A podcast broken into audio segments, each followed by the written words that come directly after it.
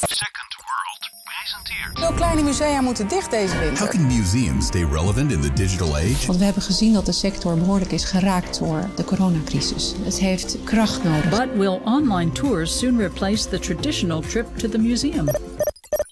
In 365 dagen succesvol innoveren met erfgoed.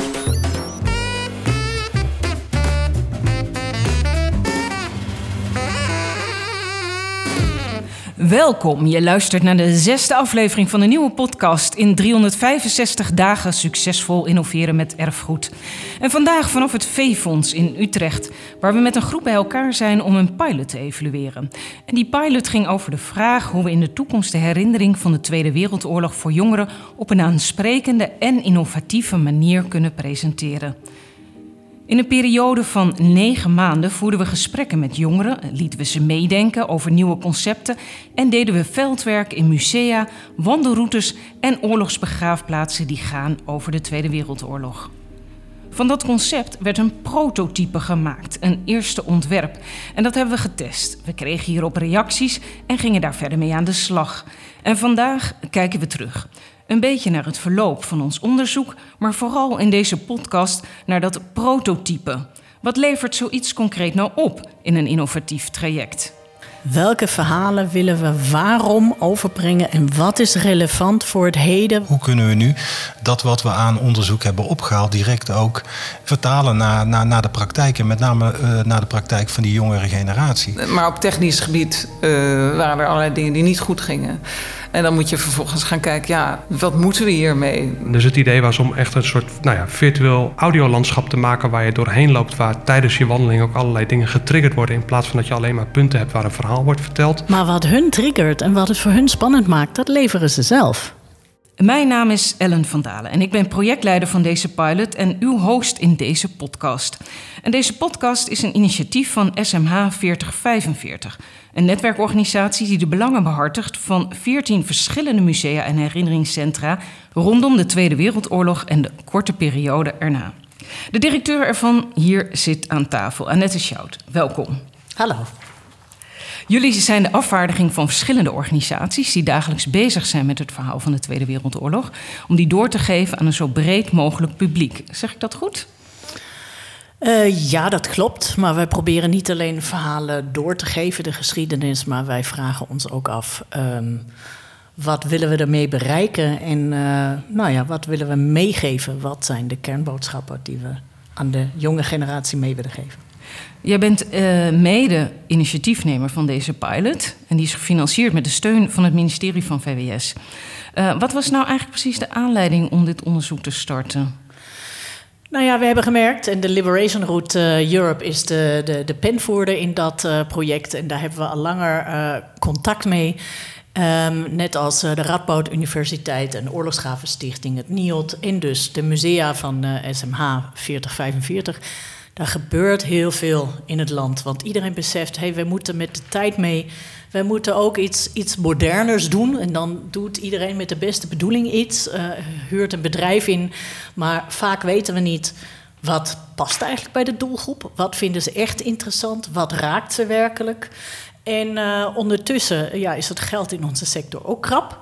Dus wij zouden veel beter de kennis kunnen delen, de, de initiatieven die er al zijn, daarvan leren of die met elkaar verbinden. Dus dat was aanleiding voor SMH ook om uh, met de Liberation Route uh, aan tafel te gaan en, en andere partners. Gert-Jan Jacobs van de Liberation Route. Wisten jullie voor dit onderzoek al uh, of jongeren het ook leuk vinden om bijvoorbeeld in jullie geval een wandeling te doen. Want jullie, uh, hè, vanuit de Liberation Route, zijn er tal van wandelingen te doen, te maken uh, in de voetspoor van onder meer uh, de geallieerden destijds. Um, hebben jullie daar zicht op? Jazeker, uh, we, we zijn al uh, enige tijd bezig zeg maar, met het ontwikkelen van dat uh, initiatief. De Liberation Route Europe, dat is het routenetwerk van, van onze organisatie. sinds 2021 is, is dat live. Nou, iedereen weet dat we ook een coronaperiode achter de rug hebben. En uit ervaring weten we ook dat juist in die coronaperiode heel weinig komt tot niets. Maar wandelen wel en dat dat erg populair was, zowel in Nederland als ook daarbuiten. Ehm, dus dat hebben mensen eigenlijk in alle leeftijdsgroepen, van jong tot oud. En vooral ook steeds meer jongeren. Mede daarop hebben we gezegd van uh, laten we eens kijken wat er uh, op dat gebied nog meer is wat we met partijen als de musea van de SMA, maar ook de, de verhalen die de, de Oorlogsgravenstichting deelt, hoe we die nog veel beter met elkaar kunnen verbinden dan dat tot nu toe al het geval is. Helene Brière, je werkt bij de Oorlogsgravenstichting. Waar was jij nou vooral nieuwsgierig naar? Um, ik was vooral heel erg nieuwsgierig naar de kruisbestuiving. Als Oorlogsgravenstichting um, verzamelen wij levensverhalen van alle Nederlandse oorlogsslachtoffers. Dat zijn er 180.000. En die verhalen die hebben natuurlijk een link met verhalen in de musea, verhalen van de LRE. Um, en het, um, ja, het is heel mooi om te kijken hoe je daar gezamenlijk gebruik van kan maken. Dus hoe je um, verhalen die bijvoorbeeld LRE op een wandelroute al heeft uitgezocht, kunt gebruiken op een van de oorlogsbegraafplaatsen. Of uh, hoe je verhalen die um, wij uitgezocht hebben in een museum kunt gebruiken. En dat je naar elkaar toe kan verwijzen. Van wil je meer weten hierover? Ga dan naar dat en dat museum. Kan je kort uitleggen even voor de luisteraar wat de Oorlogsgravenstichting voor staat? De Oorlogsgravenstichting is opgericht in 1946. En wij verzorgen uh, en onderhouden de graven van 50.000 Nederlandse oorlogsslachtoffers wereldwijd. En uh, jullie doen ook al wat voor jonge mensen, hè? qua het bieden van, van verhalen. En dan neig, neig je toch al gauw naar de, het gebruik van digitale tools. Kun je een voorbeeld pakken daaruit? Ja, wij hebben een, uh, een educatief programma op het Nationaal Ereveld in Loenen bij Apeldoorn. Um, daar hebben wij een tentoonstelling waarin we daar inderdaad met uh, digitale middelen um, zes levensverhalen van oorlogsslachtoffers laten vertellen door hun nabestaanden.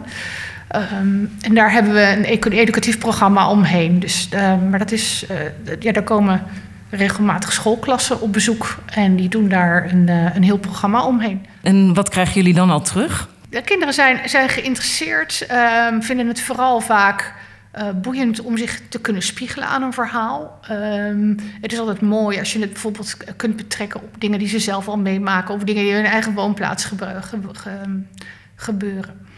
Dus uh, het, het, trekt wel ja, geïnteresseerd.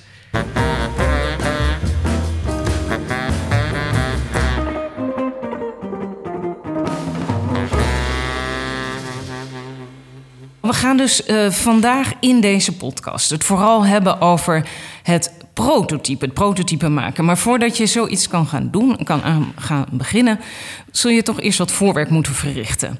En uh, dat hebben we gedaan. We is eerst onderzoek verricht uh, naar die doelgroep. We hadden het over generatie Z en generatie En dat onderzoek dat is gedaan door uh, studenten van de Radboud Universiteit in Nijmegen... onder leiding van Joost Roosendaal. Hij is universitair docent daar, historicus... en ook, niet onbelangrijk, voorzitter van WO2 Gelderland. Want Gelderland is de provincie waar deze pilot zich op gefocust heeft. We wilden het vooral niet te groot maken... dus we zijn in gaan zoomen op deze provincie, waar natuurlijk in de Tweede Wereldoorlog ook ongelooflijk veel is gebeurd.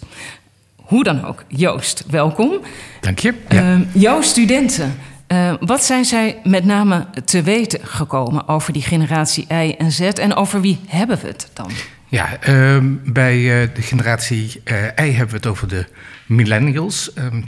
Ehm, staat ook wel zo bekend. En de generatie Z is de, eigenlijk de generatie die daar weer op volgt. En uh, dat zijn uh, jongeren die toch een beetje verschillend zijn. Uh, de die millennials zijn wat meer individueel uh, gericht, terwijl dat de generatie Z veel meer so sociaal en samen iets onderneemt. Dat betekent dan dat als je die groepen wil bereiken, je daar ook al verschillende strategieën op uh, moet toepassen. Um, de generatie Z is ook een groep die wat uh, meer uh, wil ontdekken, zelf wil ontdekken. Um, terwijl dat millennials wat meer zeppen en ja, wat meer snel afwisseling willen. Nou, dat zijn allerlei eigenschappen. Nou, je kunt ze bij elkaar voegen, die maken dat je op een bepaalde manier uh, ja, tools moet uh, ontwikkelen die deze verschillende groepen aanspreken. Ja, en Annette, zat er in dat onderzoek, waren er ook dingen die jij zelf niet wist van die generatie? Ik bedoel, jij hebt zelf uh, twee dochters, ook uh, van, van Gen Z, zoals het dan in de volksmond heet. Maar ze waren er desondanks toch dingen waarvan jij zei van... hé, hey, daar kunnen uh, mijn mensen van die verschillende musea en herinneringscentra... die kunnen daar wel wat mee. Kan je er één of twee dingen uitpikken die, waar, waar, waar je er verbaasd was? Ja, laat ik vooropstellen dat we dus blijkbaar allemaal een idee hebben al over die uh, generatiegroeperingen. Uh, en vaak ook daarom met de beste bedoelingen vaak wat ontwikkelen. Maar de verrassingen waren voor mij dat ze dus best veel uh, toch gehecht zijn aan tekst. dat, dat is blijkbaar straalt de betrouwbaarheid uit. Um, waar wij dachten ze willen allemaal video's zien snel als ze onderweg zijn. Uh, nee, waarschijnlijk eerder kort en krachtig. Nou, dat was een verrassing, had ik dus uh, niet gedacht.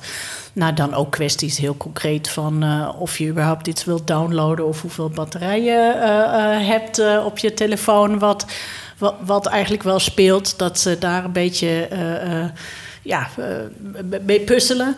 Um, ik bedoel, als je ze verhalen zou willen vertellen waar ze hun telefoon bij nodig zouden hebben, dan spelen deze dingen op. Nou, wat mij opviel was uh, dat de jeugd toch de, de tijd weer wil beleven. En dat is altijd voor ons een, een moeilijke ook. Want is dat daar zitten ethische dilemma's ook aan. Hè? Laat je wat herbeleven en kan dat überhaupt? Maar die behoefte is er en die moeten we serieus nemen. Ze willen namelijk geraakt worden. Ze willen niet alleen kennisoverdracht, zoals wij vaak dachten. Hè. We hebben bronnen, informatie, we moeten meer, nog meer verhalen vertellen. Nee, ze willen liever minder verhalen, maar verhalen waar ze zich in kunnen onderdompelen en die ze echt ervaren, die iets met hun doen. Ja. Nou, die uh, kennis en ervaren ook, Joost? Ja, en wat ook uh, uh, nadrukkelijk merkt is dat ze ook willen ontdekken. Ze willen zelf zoeken en zelf ontdekken waar iets, een verhaal te vinden is en het verhaal ook dan beluisteren. En dat, dan komt het ook veel heftiger binnen. En dat, dat, beleven, dat intens beleven, dat is iets waar uh, echt uh, behoefte aan is. Uh, juist net misschien wel omdat ja, toch heel vaak op die telefoon zitten te kijken en, en ja, naar filmpjes zitten te kijken, Insta of TikTok. ja, dat, dat is een andere wereld. Maar nu willen ze de echte wereld zien en willen ze de verbindenis daartussen leggen.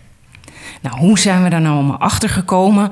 Waar ze op welke tools ze aanslaan, op welke verhalen ze aanslaan.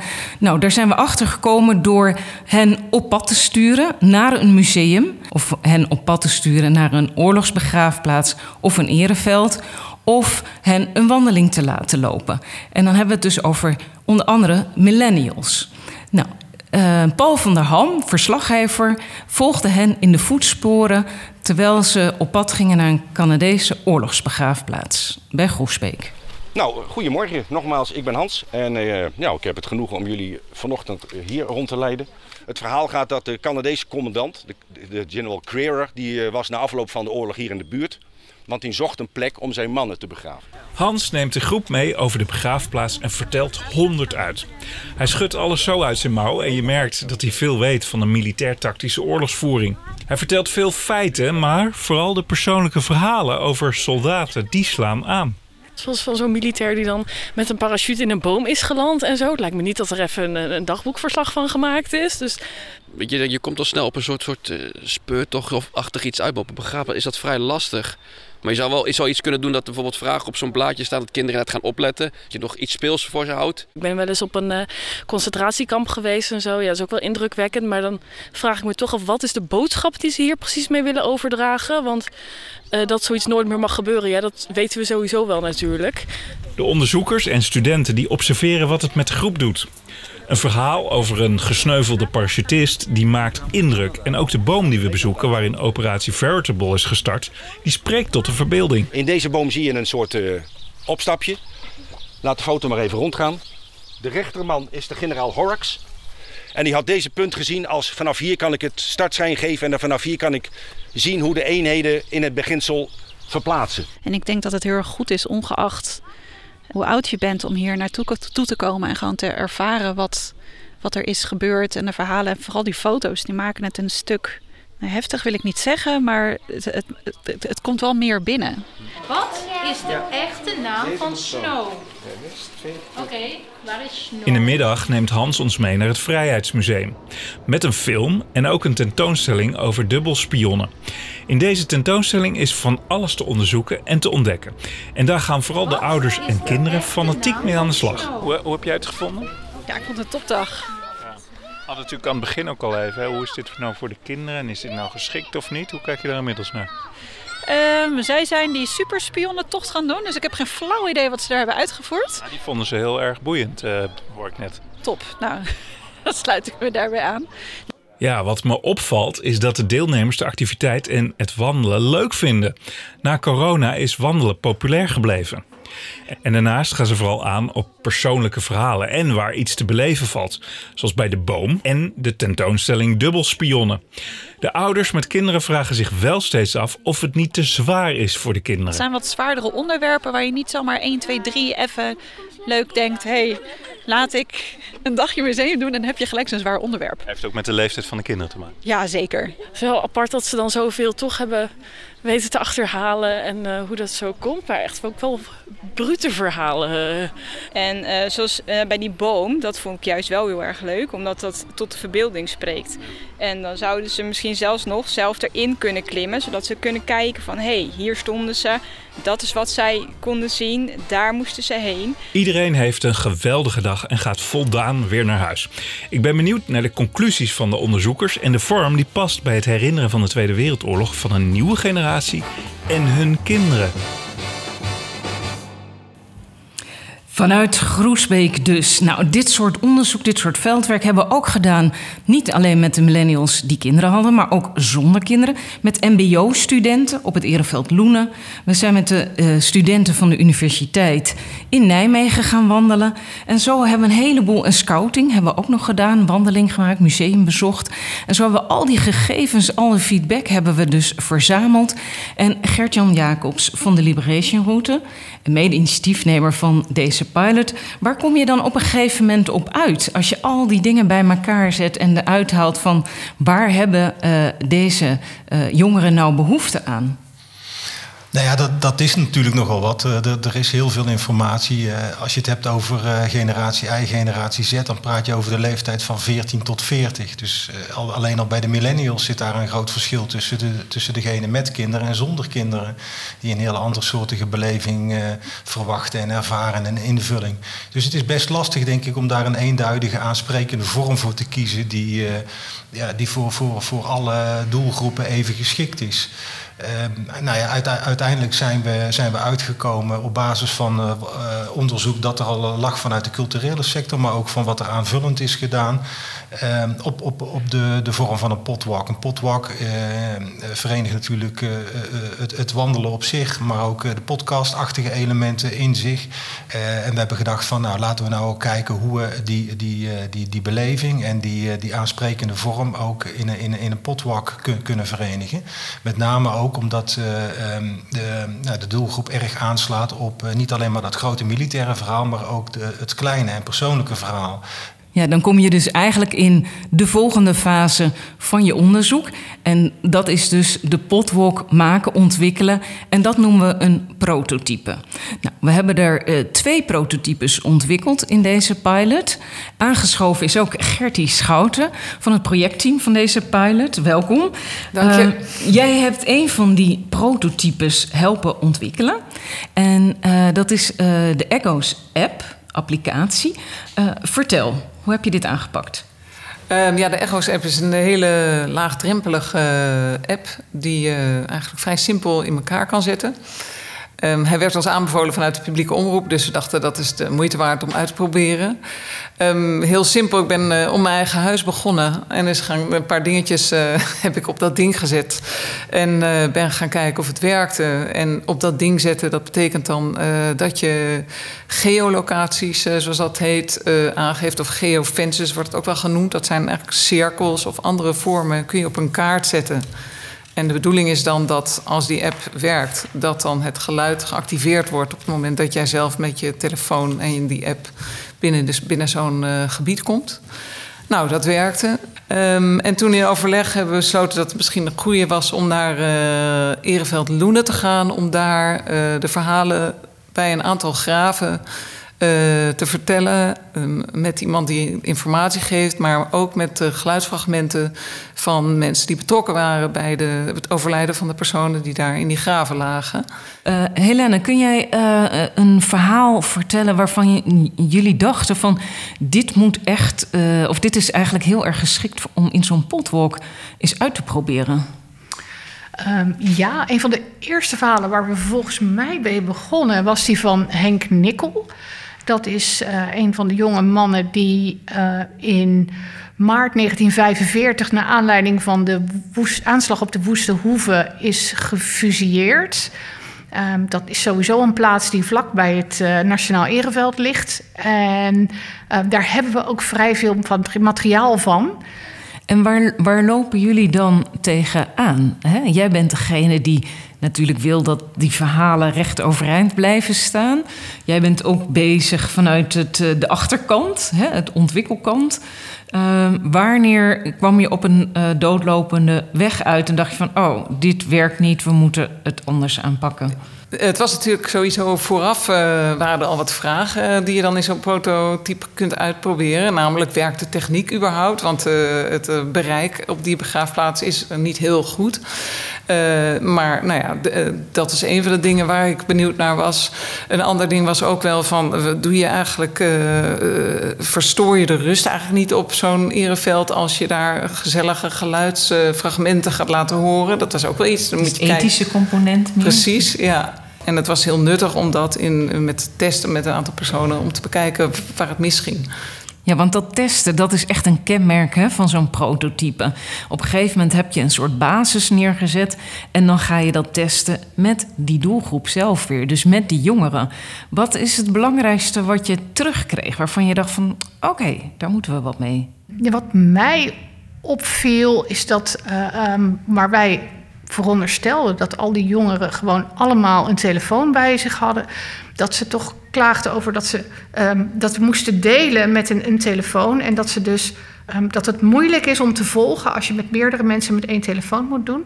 Ehm, waar ze zich ook zorgen over maken is ja, met dataverbruik of met batterij. En we hebben ook nog getest met een wandeling met gidsen. En ehm, ja, daar konden ze ook vragen aan terugstellen. En bij een, potwalk ben je toch alleen maar met de informatie bezig die je op dat moment op dat telefoontje krijgt. Dan krijg je dus ook minder snel een, een gesprek op gang. Wanneer stopt nou eh, zo'n prototype? Wanneer zeg je van, en nou is het genoeg? Eh, en, ehm, en dit is het voor nu. Ja, ik denk dat eh, het genoeg was nu we drie, vier testrondes hebben gehad... en daaruit eh, echt hele duidelijke feedback terug is gekomen... dat het inhoudelijk werd eigenlijk wel eh, gewaardeerd unaniem. Ehm, maar op technisch gebied waren er allerlei dingen die niet goed gingen. En dat ligt dan heel helder op tafel. En dan moet je vervolgens gaan kijken... ja. Eh, wat moeten we hiermee? Dan moet je weer gaan overleggen of er budget ook is om dat verder te gaan ontwikkelen. Of dit de app is die het meest geschikt is ook. Want je gaat direct ook nog over een andere app praten waar meer mogelijkheden in zitten. Misschien is die uh, uiteindelijk geschikter. Als, dat zou ook kunnen. Dus um, uh, echt een goede test doen. De feedback goed en duidelijk noteren. En dan, uh, dan verder gaan kijken. Dan is het einde prototype, denk ik. Een stap verder dus. Niet alleen met jongeren ontwikkelen, maar ook met de mensen die er verstand van hebben, van de inhoud. Wat vertel je dan?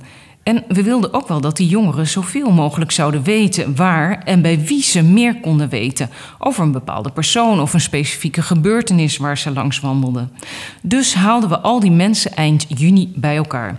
En we lieten ze meedenken onder leiding van Zietse de Jong van Tepart. Laten we even luisteren hoe dat eraan toe ging. Dit is even een, illustratie om te laten zien hoe dat werkt met een plattegrond waarin je kan aangeven dat binnen een bepaald gebied een stukje audio moet, uh, moet starten. Mijn geluid staat heel zacht, maar je hoort nu een vliegtuig overkomen. Dat kan dus zijn bij een locatie.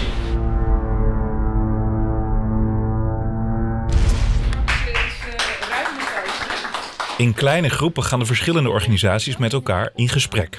Het idee van een potwalk spreekt direct aan.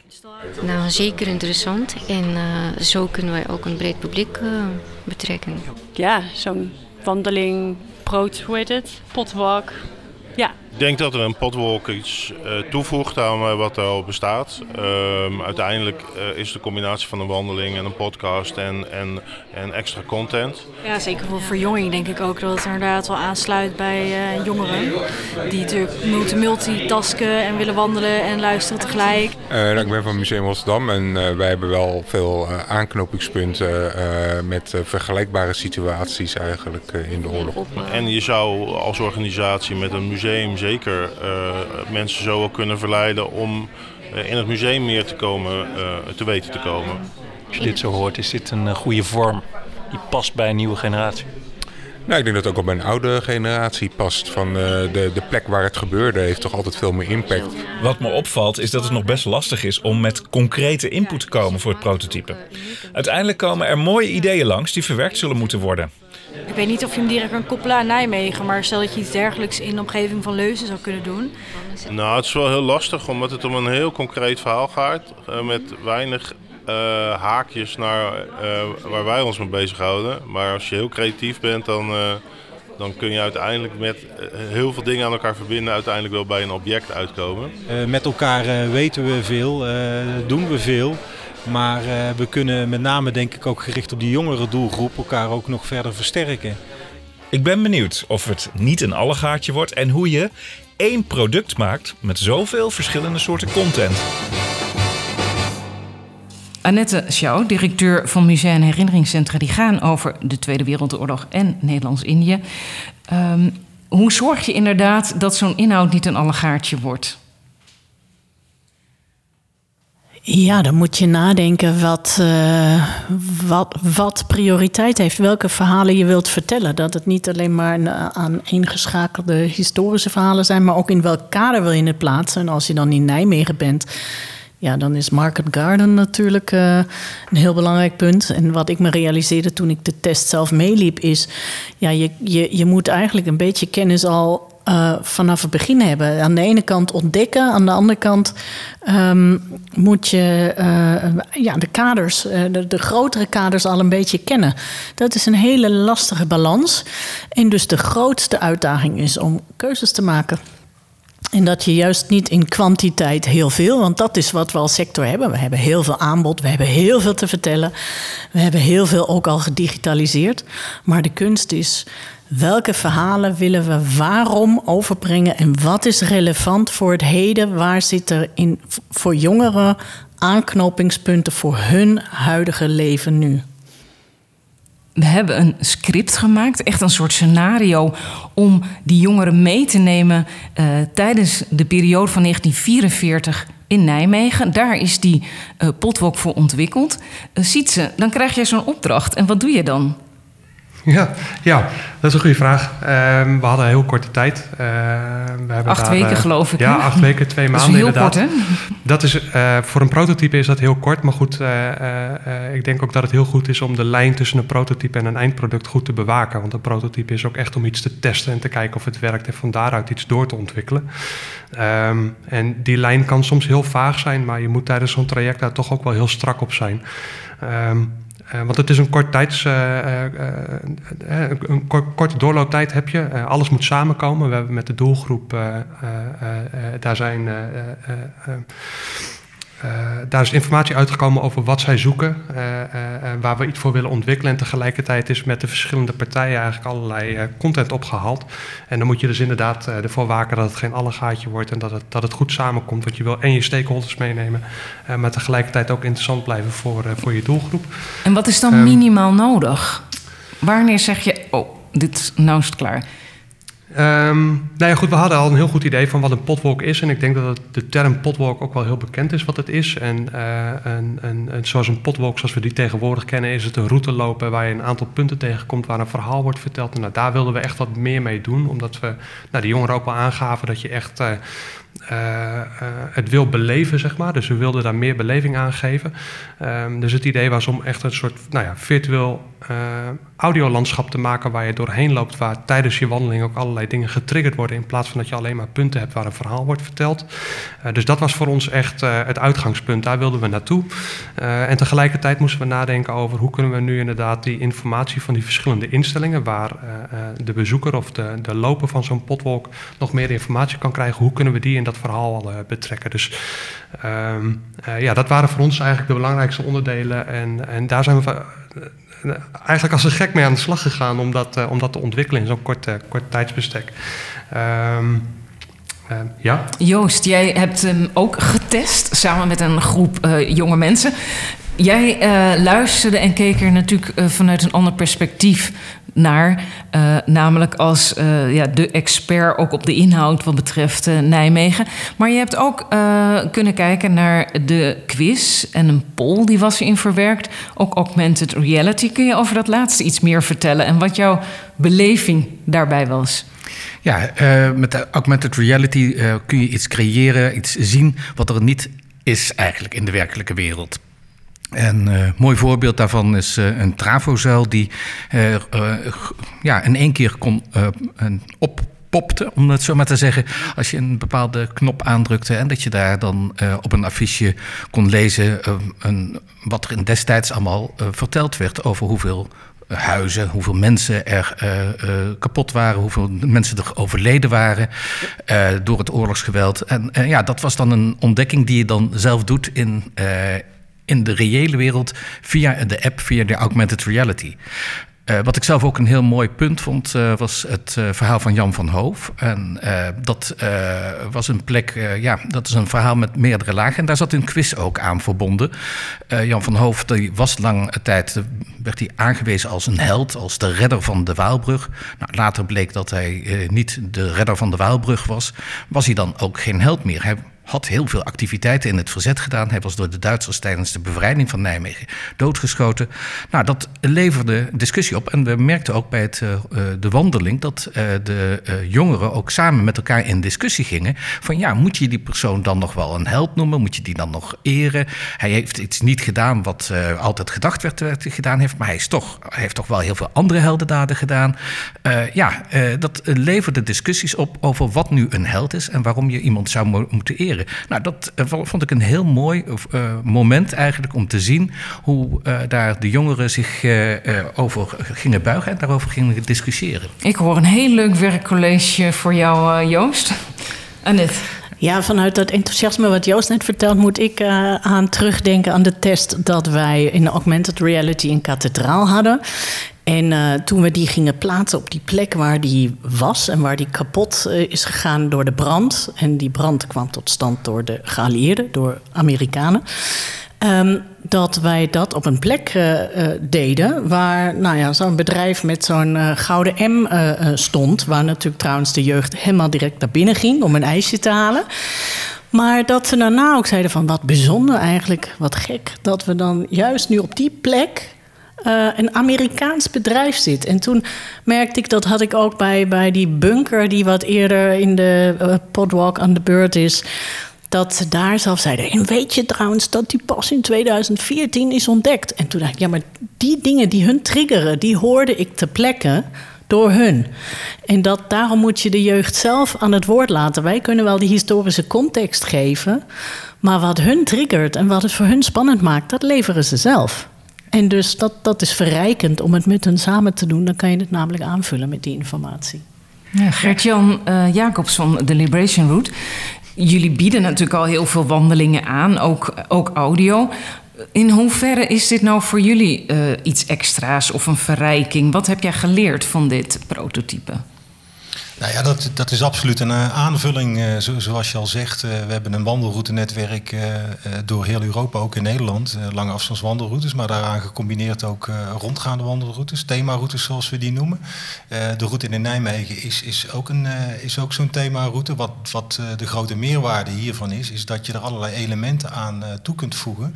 Die juist die, die beleving op een respectvolle manier, want dat is wel belangrijk, ehm, tot, tot, tot, tot de verbeelding brengen. Brengen. juist ook bij de jongeren. En door die extra elementen in te brengen, die geluidseffecten in te brengen, door augmented reality in te brengen, door heel nadrukkelijk ook de verbinding te zoeken met, met andere locaties en met de musea in de omgeving. Dat, dat maakt het juist, denk ik, heel, heel, heel bijzonder. vooral ook die persoonlijke verhalen die, die daar aan bod komen en waar jongeren zich in, kunnen verplaatsen. Dat, dat, dat, dat, denk ik, geeft uiteindelijk ook een grote meerwaarde aan een, een potwalk boven een, een reguliere wandeling. Ja, wat je daar nog aan toe zou kunnen voegen, en dat is waar wij als LRE ook mee bezig zijn, is meer podcastachtige elementen. die je bijvoorbeeld een plek zou kunnen geven, wat meer verhaal of in, of in de vorm van een interview op de wat langere stukken waar je niet direct een, uh, een, uh, ja, een, een, point of interest of, of, of een bijzondere locatie hebt waar iets over te vertellen valt. Maar waardoor je tijdens de wandeling even wat langer de, de gelegenheid hebt om daarnaar te luisteren. Um, ja, de, uh, we hadden het net over de bunker. En uh, de augmented reality creatie van die bunker, dat uh, vond ik wel ook een hele mooie toevoeging. Omdat die bunker is maar twee keer per maand te bezoeken. En, nu kon je dus in die bunker komen, doordat je daar via een augmented reality creatie daar naar binnen kon. En daar kun je dus zien hoe een erfgoed uh, object, dat dat verbonden wordt met die walk, uh, met die wandeling. En uh, op die andere plaats, Jan van Hoof had ik het net over, ja, die ligt nu begraven op een erebegraafplaats van de Oorlogsgravenstichting. ook daarin zien we weer hoe verschillende culturele instellingen eigenlijk verbonden zijn via zo'n wandeling met, ja, met het verhaal en dat je die met elkaar kunt verbinden. Nou, als ik dit allemaal zo hoor, dan denk ik van dat prototype dat moet uh, doorontwikkeld worden. Uh, toch even nog terug, Sietse de Jong. Wat is volgens jou toch als een beetje een, een, een buitenstaander, maar als wel ontwikkelaar... wat is nou de meerwaarde van uh, zo'n prototype bij een innovatietraject? En dan bedoel ik het eigenlijk meer niet specifiek nu, maar ook in zijn algemeenheid. Nou ja, dat is vooral uh, dat je uh, uh, het concept kan valideren, zeg maar. Hè? Dus je kan heel goed kijken of, of het idee wat je erbij hebt in, in een vroeg stadium al kan valideren met de doelgroep. zonder dat het een, al een eindproduct is, zeg maar. Ik denk dat dat vooral de meerwaarde is van zo'n van zo'n prototype. Zonder dat je al bakken met geld kwijt bent? Of ja, nog nee, goed, het, kijk, techniek kost altijd geld, dus je zult sowieso iets moeten ontwikkelen. Ehm, daar zit vaak al een, een en een, een groot deel van uh, de ontwikkeling zit eigenlijk ook al in het prototype. Anders dan ga je echt naar een, uh, een, een, klikbaar model toe. En, en, en, en als je dat doet, dan kun je net niet de beleving neerzetten die je wil neerzetten. Dus er is al heel veel ontwikkelwerk gedaan. En dat is ook waar je altijd wel rekening mee houdt. Dat je vanuit een prototype wel kan doorontwikkelen naar een eindproduct. maar goed, een, ehm, het, het, is ook bedoeld om niet tot een eindproduct te gaan en dan erachter te komen dat het niet werkt, zeg maar. Hè. Dus je kunt tijdens de ontwikkeling van het product al kijken van... joh, slaat dit aan of moeten we vroegtijdig bijsturen? Dat ja, hoe vaak is testen nou eigenlijk uh, handig in zo'n prototype? Nou ja, best vaak. We hebben het nu één keer gedaan en daar ook wat uh, feedback uit gekregen... die we, die we deels ook oppakken. Hoe vaak doe je dat gemiddeld dan? Um, uh, nou ja, je kunt, je kunt, het op verschillende manieren aanpakken. Je kan een prototype ontwikkelen in verschillende cycles, zeg maar. Hè. Dus uh, sommigen noemen het sprints, anderen noemen het cycles. Uh, dat betekent dat je dingen gaat ontwikkelen en datgene wat je dan klaar hebt gaat testen met een doelgroep en van daaruit weer verder gaat. Dus dat betekent dat je echt in uh, in, in, in delen ontwikkeld. Uh, maar goed, daar heb je wel wat langere tijd voor nodig. En dat hadden we in dit geval niet. Dus in dit geval moesten we echt naar een volwaardig prototype toe voordat we het konden testen. Maar ja, idealiter zou je eigenlijk drie of vier weken development willen doen. Dan willen testen wat er staat, kijken of dat werkt of niet. En van daaruit dingen gaan toevoegen.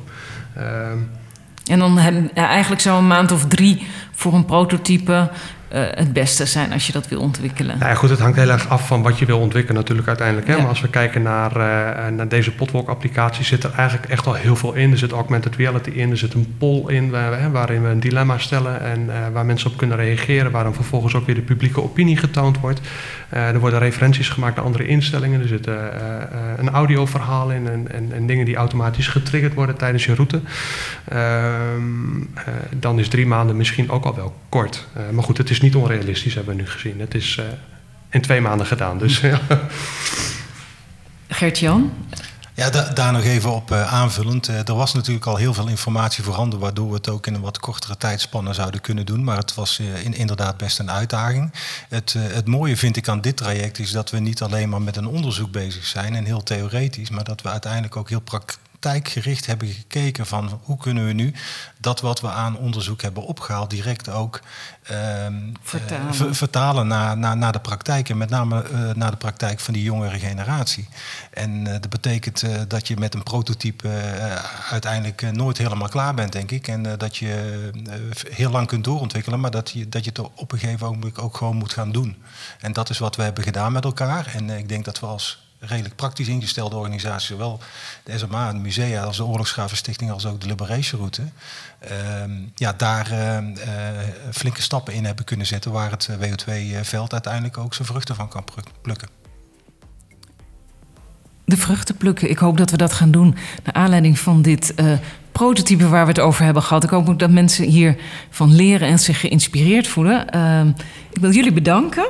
Dit was de zesde aflevering van de podcastserie in 365 dagen succesvol innoveren met erfgoed.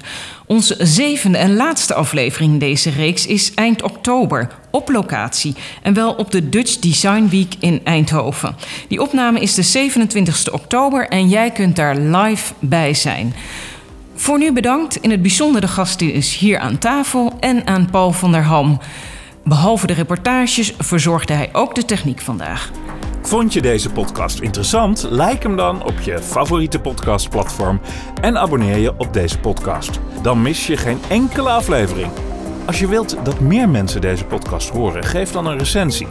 Dat maakt hem beter vindbaar. Dankjewel.